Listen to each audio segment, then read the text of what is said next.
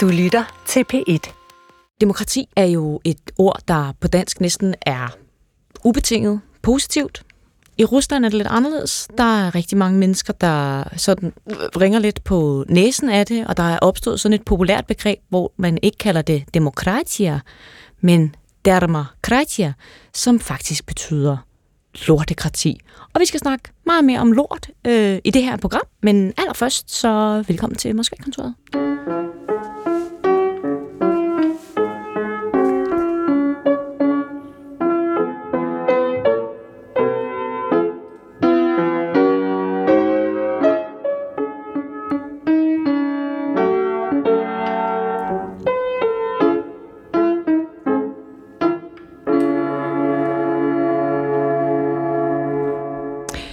Og dagens første indrømmelse er, at øh, jeg, Mathilde Kimer, er alene i dag, fordi Morten Runge er den venlige mand, han er, og har sagt ja til at dække vagter ind nede på P1 morgen hele ugen. Men jeg er faktisk ikke helt alene, fordi jeg har fået Daria Wagner i studiet. Velkommen til. Tak. Godmorgen. Godmorgen. Og du har sagt ja til at være med i, øh, i hele programmet som sådan en slags øh, særlig gæst, fordi vi skal snakke om, øh, om demokrati. Og det kan være, at du lige vil præsentere dig selv. Ja, jeg hedder Daria Wagner. Jeg er formand for en forening, øh, Danske Venner af et Demokratisk Rusland. Jeg har boet i Danmark i over 20 år, og har fem børn, arbejder som patentadvokat. Yes. Og den her gruppe, øh, som, øh, eller organisation, som du har været med til at skabe og leder af, eller formand for, den skal vi snakke øh, meget mere om. Men jeg tænker, at vi skal prøve at dele det op i dag mellem demokrati øh, og kampen om det inde i Rusland, og så kampen om demokrati i Rusland uden for Rusland. Så hvis vi nu prøver at starte inde i Rusland, så har vi en sag, der på mange måder overskygger alle de andre fra sidste uge med dommen af Ilya Yashin, en øh, aktivist, oppositionspolitiker øh, og demokratiforkæmper, som vel var en af de sidste tilbage i, øh, i Rusland. Og han, øh, han blev altså idømt 8 et halvt års fængsel for at have givet øh, det, som man i de russiske myndigheder kalder falske oplysninger. Det var en kritik af krigen mod Ukraine. Øhm, jeg tænker, vi lige skal... Jeg tænker, du kender ham jo også. Ja, og han har også fået yderligere fire år forbud mod at bruge internet, når han er færdig med sin fængselsdom. Ja, så når han har siddet i sådan en fængselslejr i 8,5 år, så skal der gå fire år mere, før han får lov at gå på nettet. Det er rigtigt. Ja. Men hvis vi lige bakker lidt tilbage, så er han jo, øh, har han jo været politiker, øh, altså jeg skulle lige til at sige, siden han kunne gå. Det er måske lige, der, der var måske plads til bare at være et barn. Men, men øh, selv som teenager var han jo politisk engageret. Vi har fundet sådan en lille klip frem fra 2005, hvor han harcelerer mod de her Putins øh, unge i, øh, i Nashi, og, og harcelerer mod, at man prøver at lave dem til sådan nogle øh, øh, elite-unge. Очень циничная вещь. Молодым людям, в основном из провинции, посылается очень четкий месседж, что вы новая политическая элита. Вот вы придете на смену тем чиновникам, которые сегодня управляют государством. На самом деле это, конечно, ложь. Ja, det er sådan en lille, en lille del, hvor han, øh, han, det er de her lejre, sommerlejre, man laver, hvor man øh, jo også bedriver en slags øh, propaganda. Og det er helt tilbage fra 2005. Altså det var jo et tidspunkt, hvor at man egentlig synes, at det hele gik vældig godt. I hvert fald udefra. Allerede i 2005 så har Freedom House uh, opført Rusland på liste over ikke-frie lande. Og der var der rigtig god grund til. Allerede i 2005 så var en liberal demokrati udskiftet med suveræn demokrati begreb. Det vil sige, at Putin var allerede godt i gang med at udlægge demokratiske institutter og erstatte dem med institutter, der støttede hans personlige magt. Mm. Så helt tilbage til starten af Putins karriere, så, så kan man se, hvor, hvordan demokratiet blev mere snævre, og hvordan hele Putins propagandamaskine arbejder på netop at uh, give uh, et selve demokratibegreb et negativ klang. Mm. Og, og den blev så bundet med um, den økonomiske uro, der var i 90'erne. Ja. Putins fortælling, der blev simpelthen til se 90'erne og demokrati, det førte ikke til noget godt økonomisk. Det betød noget rigtig dårligt for velstanden. Ja, og udhuler alle de her institutioner, som jo egentlig skulle udgøre en eller anden form for både social og juridisk retfærdighed i samfundet, de bliver politiseret og, og magten centraliseret. Jeg vil lige spille et enkelt klip fra øh, 2013. Det var øh, sådan lige på bagkanten af den største politiske vækkelse, der har været i det moderne Rusland, altså den bevægelse, der kom fra sådan slutningen af 2011-2012, der hvor Medvedev for Putin erklærede, ja, eller det var mest Putin, der erklærede det, men at nu byttede man ligesom taburet igen, og han ville komme tilbage til, øh, til præsidentposten. Det fik jo altså flere hundrede tusind mennesker til at gå på gaden, og så var der en hel række retssager mod de folk, der havde været på blandt andet Balotnaya, altså den her centrale plads i, øh, i Moskva. Og nu skal vi lige høre Yashin stå til en demonstration til, øh, til kamp for de her folk, der er blevet øh, anklaget. Добрый вечер! God aften. Друзья, за эти 13 лет Venner, i de her 13 år, der har vi alle sammen vendet os til så meget. Vi har vendet os til, at den her magt bare udnævner sig selv til mere magt. At Putins venner stopper rigdommene i lommen.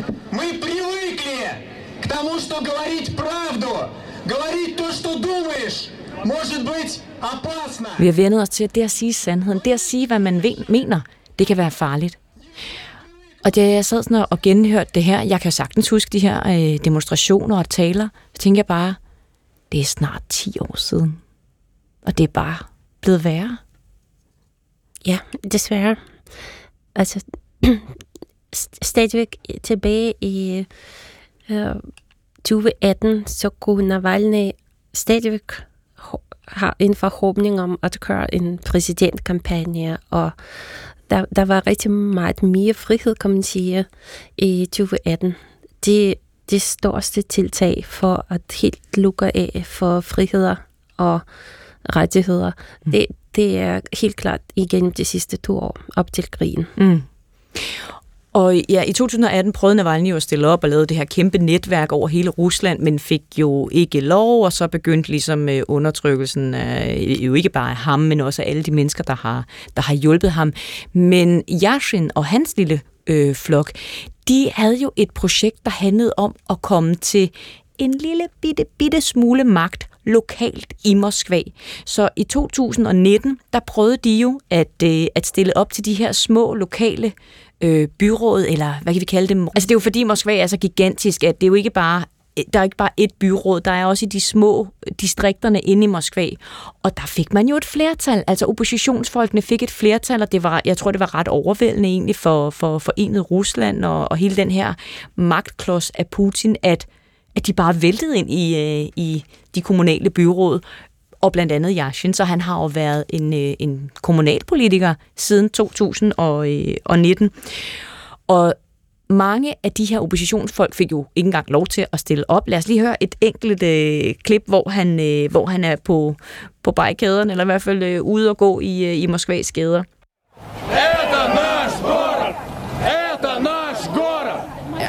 Det, det er vores by, og der er marcheret man jo. Men øh, de, de havde jo faktisk held til at skabe nogle ret store øh, sådan demonstrationer øh, på gaden. Mange af dem endte så ret uheldigt med fængselsstraffe, både til dem, der, der dukkede op, og der var forældre, der blev truet med at få frataget deres børn i de her Moskva-protester fra, øh, fra 2019.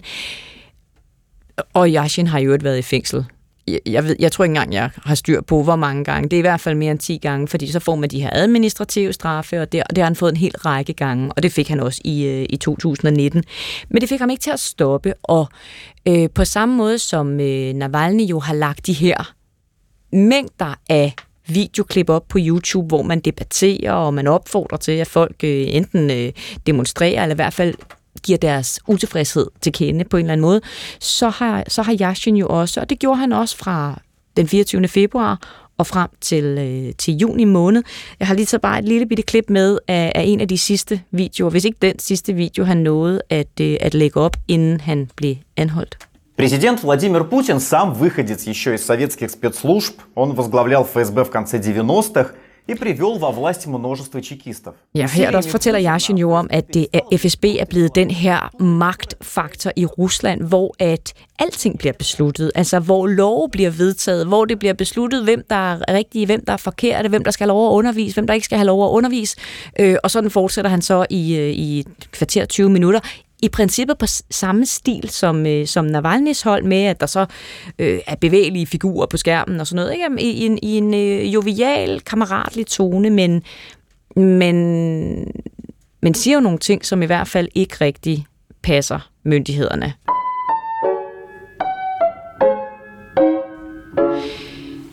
Da det så bliver juni måned, så er der jo ikke voldsomt mange russere tilbage i Rusland af den slags og Yashin bliver advaret både af sine egne og vist nok også af myndighederne om, at det vil være en god idé for ham at forlade landet nu. Men det vil han ikke. Hvorfor tror du, han ikke vil det? Jamen, det er jo hans land. Øhm, fra at være en kendt og meget respekteret lokal politiker i Rusland til at være ingenting udenfor. Øhm, jeg kan godt forstå hans valg.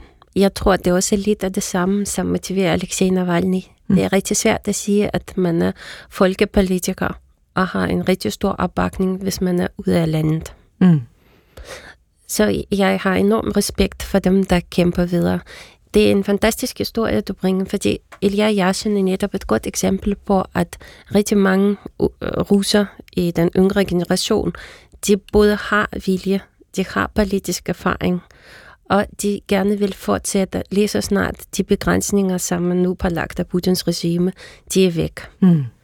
Det er et godt eksempel på, at Rusland har alle chancer for at bevæge sig mod demokratisk vesteuropæisk udviklingsvej.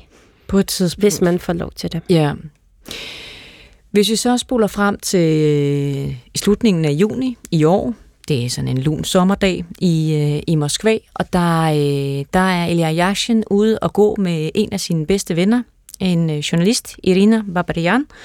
Øhm, de går en tur ned på sådan en, øh, en kirkegård, øh, ret centralt i, i Moskva, sådan ret og, og meget kendt kirkegård, hvor, hvor, hvor øh, berømte mennesker er begravet, blandt andet Gorbachevs hustru. Det er et meget, meget smukt øh, område.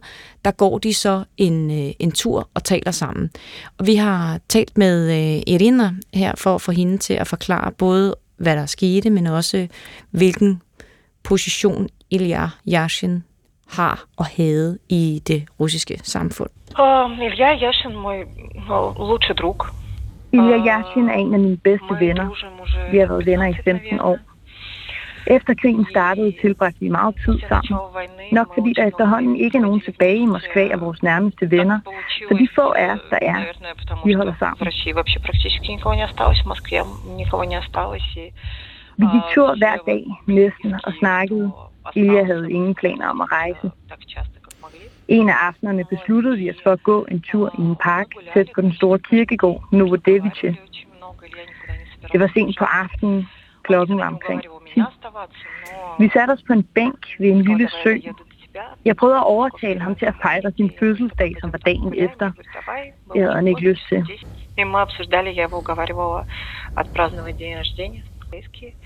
Og mens vi sad der og snakkede, kom nogle politimænd. De præsenterede ikke sig selv. De sagde bare, Ilja Valerjevich, kom med os. Ilja spurgte, på hvilket grundlag de anholdt ham. Vi sagde bare, følg med os og han tog med. Ilja viste ikke nogen modstand. Han vidste godt, at det kunne gøre dommen værre at stride imod. Og så kom retssagen, og til sidst dommen, som viste sig at være værre, end vi havde regnet med, selvom vi ikke havde håbet på nogen ny dom. Ja, jeg skal måske lige sige, at øh, Irina øh, Babrian er journalist på Echa Moskvi, eller var journalist, fordi det, er jo, det var den øh, måske mest kendte øh, russiske radiokanal. Øhm, men hun har også forladt Rusland nu. Og jeg tænkte faktisk, at øh, vi måske lige skulle høre, altså på Ilya Yashins øh, kanal på YouTube, der kan han jo selv sagt ikke selv, han har ikke siden juni kunne, kunne bidrage med noget, men den dag dommen faldt, altså sidste fredag, den 9. december, der var der en af hans øh, kollegaer, der læste den op. Der, der var det ulovligt at, at optage både video og lyd inde i retssagen, så vi kunne ikke få lov at høre hans egen tale, men, men, øh, men vi har fået den på skrift, og en af hans øh, kolleger indlæste den på den her YouTube-kanal, og den har vi, øh, den har vi oversat.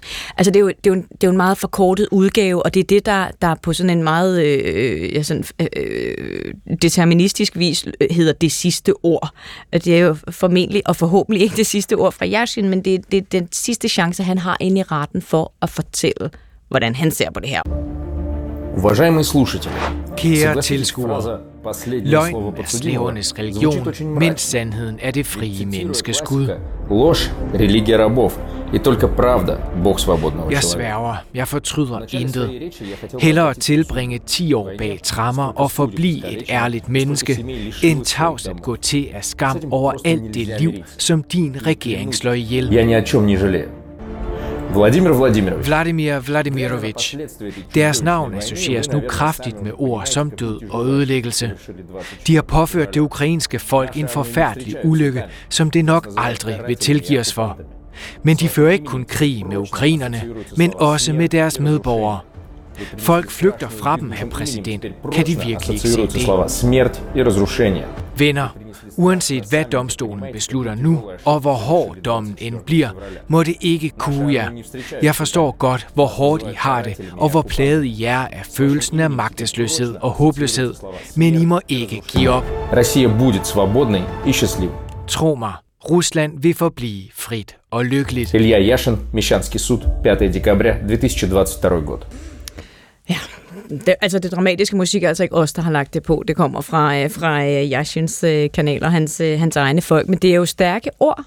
Øhm, og jeg tænker meget over den appel, han har, som i øvrigt også minder om, øh, om Navalny's appel øh, til, til, til dem, der nu lytter til hans ord, det her med ikke at kaste sig selv ned i depression og afmagt, men at blive ved med at kæmpe.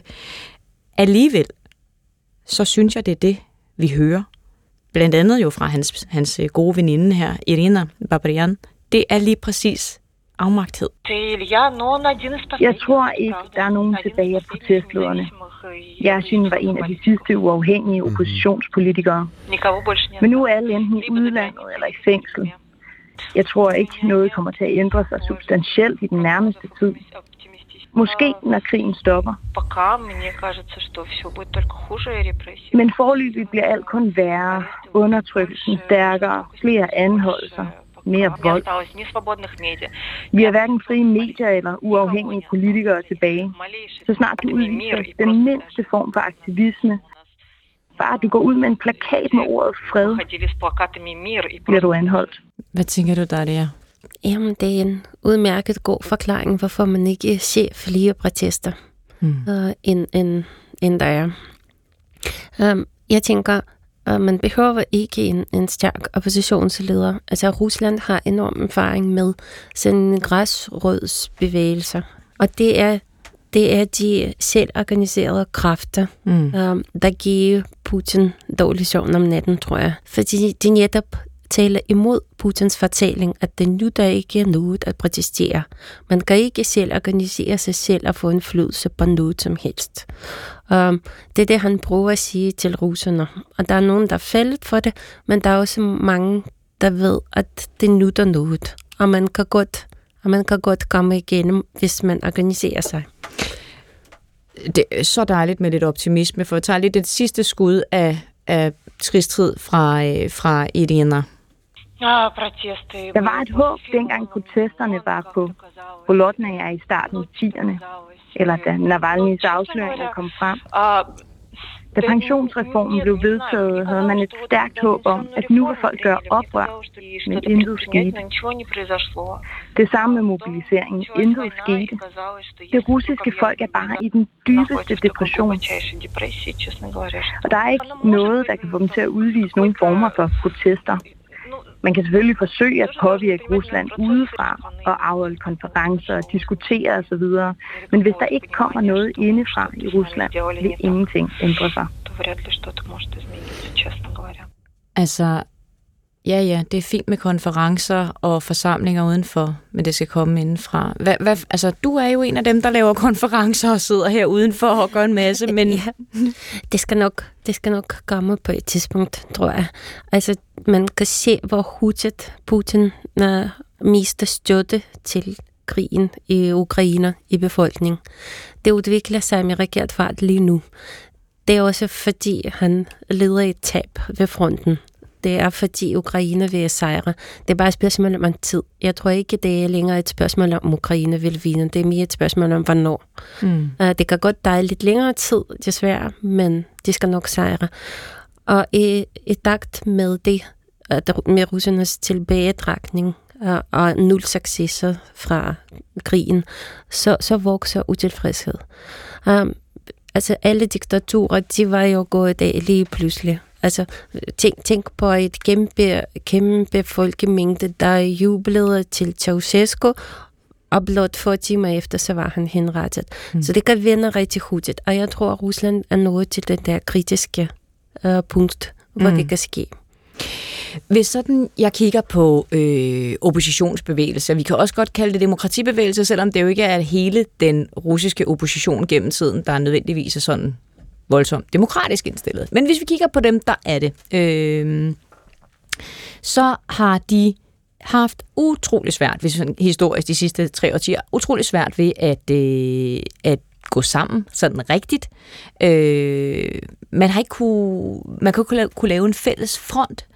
Og hvis jeg også kigger ud over landskabet, så er der også virkelig, virkelig mange forskellige organisationer, der essentielt støtter det samme, altså antikrig, fred, øh, og, og, det, og en demokratisk vej for Rusland. Hvorfor, hvorfor finder I ikke sammen? Altså, demokratiet, det går jo ud på mangfoldighed det går ikke ud på at have sådan bipolar, altså den ene parti eller den anden, enten er det republikaner eller det er så demokrater. Mm. Det er så den amerikanske version af demokrati. Um, jeg kan nu bedre, bedst lide den danske, hvor der er rigtig mange partier, og det har utrolig lang tid for at denne regeringsalliance, men, men det er det rigtige, fordi det er den forhandlingsproces, der er vigtige også. Og, og i Rusland, øh, ja, der er rigtig mange grupperinger, rigtig mange forskellige oppositionsmeninger. Øh, så vi er enige i de vigtigste ting. Og menneskerettighed skal overholdes, at, øh, at de friheder som pressefrihed, valgfrihed og ytringsfrihed, det, de skal være der. Og så længe vi er enige i de helt grundlæggende principielle ting, så skal det nok gå. Men hvor mange er I? Du mener, hvor mange forskellige retninger der er indenfor? Nej, ja, det er jeg med på. Der er virkelig, virkelig mange. men, men hvor mange er I? Altså, jeg er godt med på, at du ikke har et absolut tal. Men, men hvis vi kigger på de øh, 100.000 millioner formentlig nu øh, af russere, der befinder sig uden for Rusland, hvor mange er så interesseret i, i den retning, I repræsenterer? Og her snakker jeg ikke partipolitik, jeg snakker kun at få Rusland til at blive et mere demokratisk fungerende samfund? Jeg tror, det er de samtlige. Det kan godt være, at når det kommer til et frit valg, at vi vil så stemme på forskellige kandidater. Men jeg tror ikke, der er nogen som helst opposition, der er i tvivl, hvorvidt at man ønsker et frit valg. Altså det sjove er, selvom demokratibegrebet er blevet så demoniseret af Putin, så er det stadigvæk en stor del af pro-Putin vælgere, der faktisk øh, ser noget værdi i demokrati. De, de øh, siger, at de bor i et demokratisk land, og de har selv stemt på Putin, og de tror på det der flertal. Mm. Og, og, og det, det er faktisk grunden til, at han stadig ikke har helt aflyst valg som sådan. Um, det er vigtigt for ham, den fortælling. Det er sin egen vej, en, en speciel type af demokrati, men det er dog et demokrati. Mm. Og det er meget interessant, fordi det sammen eksisterer med, at demokrati er generelt ikke godt for noget. Ja, det er sjovt, for der er faktisk en af vores lyttere, der har skrevet ind til os, øh, hvorfor bliver de ved med at kalde det et demokrati, når det jo ikke er det, det er. Altså, det er jo, det er jo kulisserne af et, øh, af et demokrati, ikke? eller mm-hmm. lidt, lidt iscenesat demokrati. Hvorfor bruger de ikke bare deres eget et, et, et putinokrati, eller kalder det noget andet. Det, det er jo meget interessant, hvorfor at man, når man har brugt så mange kræfter på at gøre det til noget skidt, altså koble demokrati med 90'ernes kaos og anarki, så stadigvæk synes jeg, det er et ord, der er værd at beholde i, øh, i, i den politiske ordbog. Ja, jeg, jeg tror, der er flere og flere inde i Rusland, der begynder at forstå, at den fremgang, økonomisk fremgang, som Putin ofte får ros for af hans tilhængere frem til 2012, stykket. Uh, det skyldes simpelthen den alt for lav base efter Sovjetunionens sammenbrud. Men for at udvikle samfundet og økonomien videre, så skal man uh, følge nogle demokratiske principper mm. for at tiltrække investorer og for at give øh, forretningerne mulighed for at udvikle sig osv. Så, så så på den måde, så er der flere og flere russer i deres hoved, så bliver altså den vestlige velstand koblet med demokratiske værdier. Jeg vender altså lige tilbage til det der lidt irriterende. Hvorfor er I så mange forskellige grupper? Altså, hvorfor vælger I i år at stifte jeres egen, i stedet for at koble jer til en af de 50-100 andre europæiske eller vestlige sammenslutninger af russere, der principielt kæmper for det samme? Det er sådan meget øh, uh, radikalt øh, anliggende. Det er rigtig svært at øh, lave en aktion på gaden i København, eller udstilling på Kongens Nydorf, eller noget andet, hvis, hvis bestyrelsen ligger i Stockholm, for eksempel. I alle de større europæiske lande, så kan jeg se, at hver stor by har sin egen uh, forening af pro-demokratiske russere. Så i Sverige, så er der flere grupper i Stockholm, så er der i Malmø og i Lund og i Göteborg. Mm.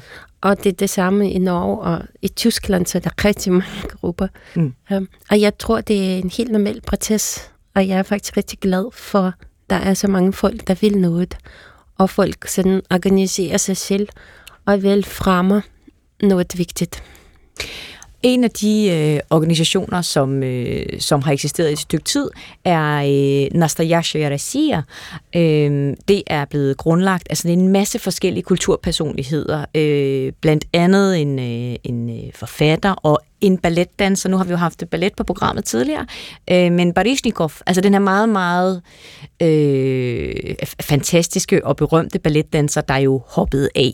Øh, de har lavet en, øh, en, en organisation selv, som, som tiltrækker en hel masse kulturpersonligheder.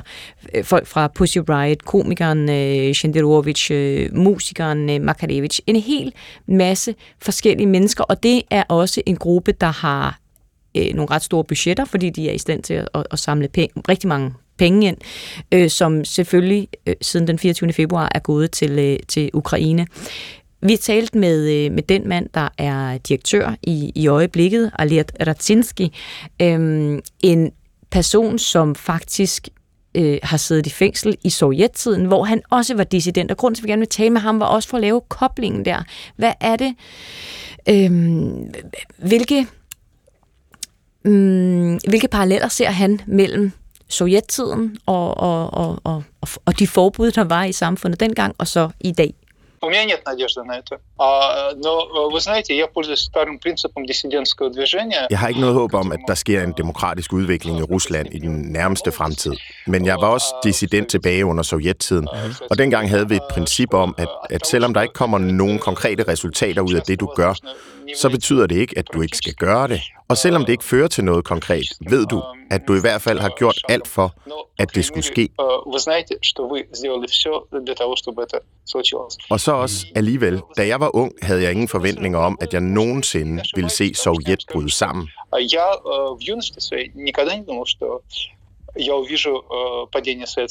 Men da jeg som en ung, umoden fyr blev arresteret af KGB i 1982 for antisovjetisk propaganda, blev jeg spurgt af en af dem, der afhørte mig.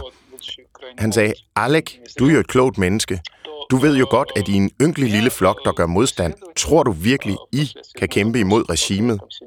Og jeg svarede ham, tro mig, om 20 år vil det sovjetiske regime ikke eksistere længere. Han sagde, at jeg tog fejl, og det gjorde jeg sådan set også, for det tog kun 9 år og ikke 20. И, знаете, он был прав, я ошибался. Советской власти не стало не через 20, а через 9 лет. Altså, der er en rigtig stor forskel mellem dengang og nu. Hvis dengang så så man netop sådan individuelle tænk, tænkende personer, som var imod regime. Så her og nu i moderne Rusland, så taler vi decideret om meget velorganiserede kræfter. Det er en, et stort forskel til denne gang, så jeg tror ikke, det skal gå 20 år, heller ikke 9 år. Jeg tror virkelig, vi taler om inden for det næste år. Og så har jeg fuld tillid til, at når engang den historiske mulighed er der, så vil russerne være meget hurtigt og meget handlekraftige for for at forandre sit land til noget bedre. Det er sjovt, fordi den her gruppe, øh, det ægte Rusland, øh, eller det nuværende Rusland, kan man måske også oversætte det til Nastasia Rossiya, de har på deres hjemmeside har de øh, lagt sådan nogle helt korte interviews med mange af deres medlemmer, som skal komme med et bud på, hvor er Rusland om 10 år. Men lad os lige prøve at leve det igennem. Jeg prøver at se, om jeg kan sådan uh, simultant, altså ikke at du har brug for det, men der kunne være et par lyttere derude. men prøv lige at, at, at, tolke, hvad de siger. Det er sådan nogle helt korte, øh, korte klip. Om 10 år er Rusland noget andet. Jeg kan ikke forestille mig, at Rusland vil blive sådan her som Nordkorea. Jeg håber, at det bliver et frit land. Et land, man har lyst til at bo i, og hvor der er sikkert. Og hvor man kan være lykkelig. Det bliver værre endnu. Enten så bevæger vi os væk fra det her forfærdelige og mod demokrati, bliver tættere på Europa og følger reglerne, eller også så bliver vi til det, et Nord-Turkmenistan. Jeg vil gerne have, at Rusland bliver frit og forbliver som det er.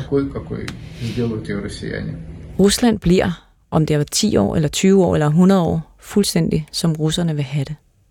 Og det var jo altså, den kan man jo så give en varm eller en kold farve, den sidste bemærkning der.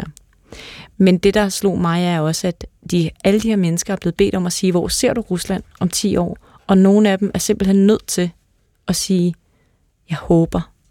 Altså, de tør ikke udtale sig lige så skråfast som dig, altså at det inden for et år, eller kortere, bliver det bedre. Men de er nødt til at tro på det. Det sidste lille klip, jeg lige vil, vil spille for dig om, øh, med øh, Aljak øh, Ratinski, altså direktøren for den her gruppe, det handler om, at øh, han synes, at det der det handler om det, han synes er værre nu, end i sovjettiden. То, что происходит сейчас, это совершенно другая модель. На мой взгляд, намного более э, страшная. Det, der sker i Rusland i dag, er langt mere uhyggeligt end i sovjettiden. Under Sovjet forsøgte russerne at bilde Vesten ind, at vi er en del af Europa, og vi er ligesom jer. Запад думали, что мы Европа. Man understregede også, at vi var et fredselskende land, at vi var imod aggressioner, og vi heller ikke øh, kunne finde på at bryde menneskerettigheder. Vi underskrev jo også øh, Helsingforserklæringen i Helsinki tilbage i 1975. Og det var måske nok sådan lidt mere formaliteter, men, men alligevel opførte man sig anderledes i praksis, end man gør nu. Man forsøgte i hvert fald at fremstå civiliseret. Det er slut nu. Det moderne Rusland har besluttet sig for ikke at være en del af en humanistisk civilisation. Vi vil gøre, som vi vil, og vi spytter på jer, for I kommer alligevel aldrig til at elske os. Og her kan I få vores blodbestængte hammer lige ind i EU, synes man at tænke. И вот вам наша окровавленная кувалда, которую они прислали в э, Европейский Союз. Altså, det, det er jo en reference til den her øh, store øh, muggert, hedder det vel nærmest øh, på dansk, øh, som, som øh, blev brugt af, i, i Wagner-kompaniet, altså de her legesoldater, øh, soldater til at, at smadre hovedet på en, øh, en soldat, som de mente var en, øh, en desertør. Og så opstod der en video, som blev delt på nettet, hvor nogle af de her Wagner-folk øh, de pakkede en, en muggert ned i en violinkasse, og så stod der til EU. Altså det skulle se ud som om, den var smurt ind i blod, og det var sådan en hilsen til, vi er da, vi er da skide glade med jer og jeres menneskerettigheder, ikke? Jo, det er mere konsekvens af krigen, som at slå et fejl. Det er helt klart. Altså, lige op til krigen, hvis man kigger på vestlige forhold til Rusland, og så omvendt, Altså, det, det, det er stadigvæk sådan, for eksempel kattemad var blevet forbudt i sanktionspakke nummer 2, men lattergas og, og granater til at bekæmpe demonstranter, det er først her i, i pakken af sanktioner nummer 9. Så, så vi i Vesten stadigvæk ikke har sanktioneret rigtig mange fra Putins nærmeste omgivelser, som bærer direkte ansvar for uhyreligheder, der blev begået i Ukraine mm. for den der krig. Så Ja, ja øh, Vesten ser ikke, um, har ikke set på Rusland med de øjne, man har nu. Det er konsekvensen af krigen. Så på den måde, så er jeg ikke enig med, med udtalelsen, at det er meget værre, end det var i sovjettiden. Um, det tror jeg ikke. Jeg tror også, at vores forhold, altså både økonomiske bånd og kulturelle bånd, og det hele, det, det kan repareres meget hurtigt, hvis det kommer den rigtige styre, og Rusland vil opfylde de krav, som man vil stille fra Vesten af for at lette sanktionerne, og Rusland vil bevise, at det er på vej øh, den ret, i den rigtige retning. Så tror jeg, at vi kan blive gode venner igen meget hurtigt. Daria Wagner, Wagner, undskyld, jeg bliver med at sige Wagner, det kommer, kommer til at lyde som om, du er en del af de her lejesoldatgruppe. Det har været simpelthen så dejligt at have dig i studiet, og, og øh, jeg synes, du har været en fantastisk positiv stand-in for, øh, for Morten Runge, som jo øh, så plejer at være det, det, det lette øh, indslag. Jeg vil dog øh, slutte af med noget, som øh, er fuldstændig i Mortens ånd, nemlig en lille øh, sang, og det kan være, at vi lige kan sætte den, øh, den russiske version på. Det er Andrei Makarevich, som du selvfølgelig kender, men som også er medlem af den her gruppe, Nastasia øh, Resia, øh, og som allerede tilbage i 2014 lavede en sang, der hedder Mit land er gået øh, fra forstanden. Og nu lovede jeg jo, øh, nu lovede jeg at, øh, i starten, at det også skulle handle en lille bit smule mere om, øh, om lort. Og det er simpelthen fordi den her øh, sangtekst jo øh, også handler om ikke at være en lort. Altså, det, øh, han er meget, meget, øh, meget lyrisk, og som en slags øh, hilsen til, til Morten, der jo øh, kæmper nede på morgenvagterne på P1, og jeg ved, han elsker både russisk musik, og han elsker, når vi gør os øh, umage med at give den lidt musikalitet.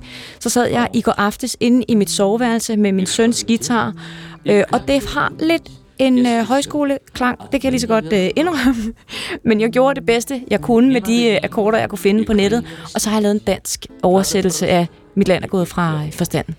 Vil jeg ikke det land, vi er født i, det bånd var altid ved. Mit land har besluttet at gå i krig, der intet jeg kan gøre for at stoppe det. Nogle får magt sjov, andre er til fanger smerte, jeg ikke kan bære. Mit land er gået fuldstændig amok, og der er ingenting, jeg kan gøre. Hvad skal der gøres, så skal man være, når hvidt er blevet til sort. Man skal være den skal bare lade være og være en lort. Jeg sikker på bare en enkelt ting. Det er tid til at træffe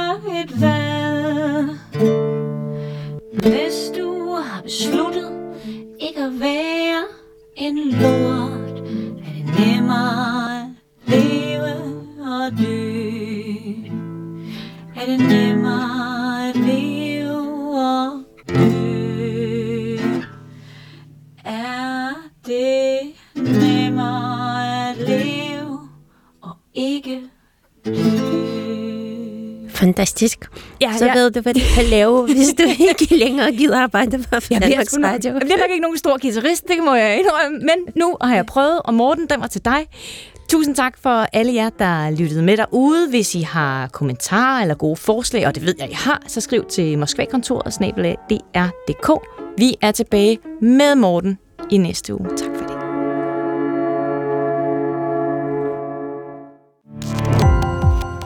Gå på opdagelse i alle DR's podcast og radioprogrammer. I appen DR Lyd.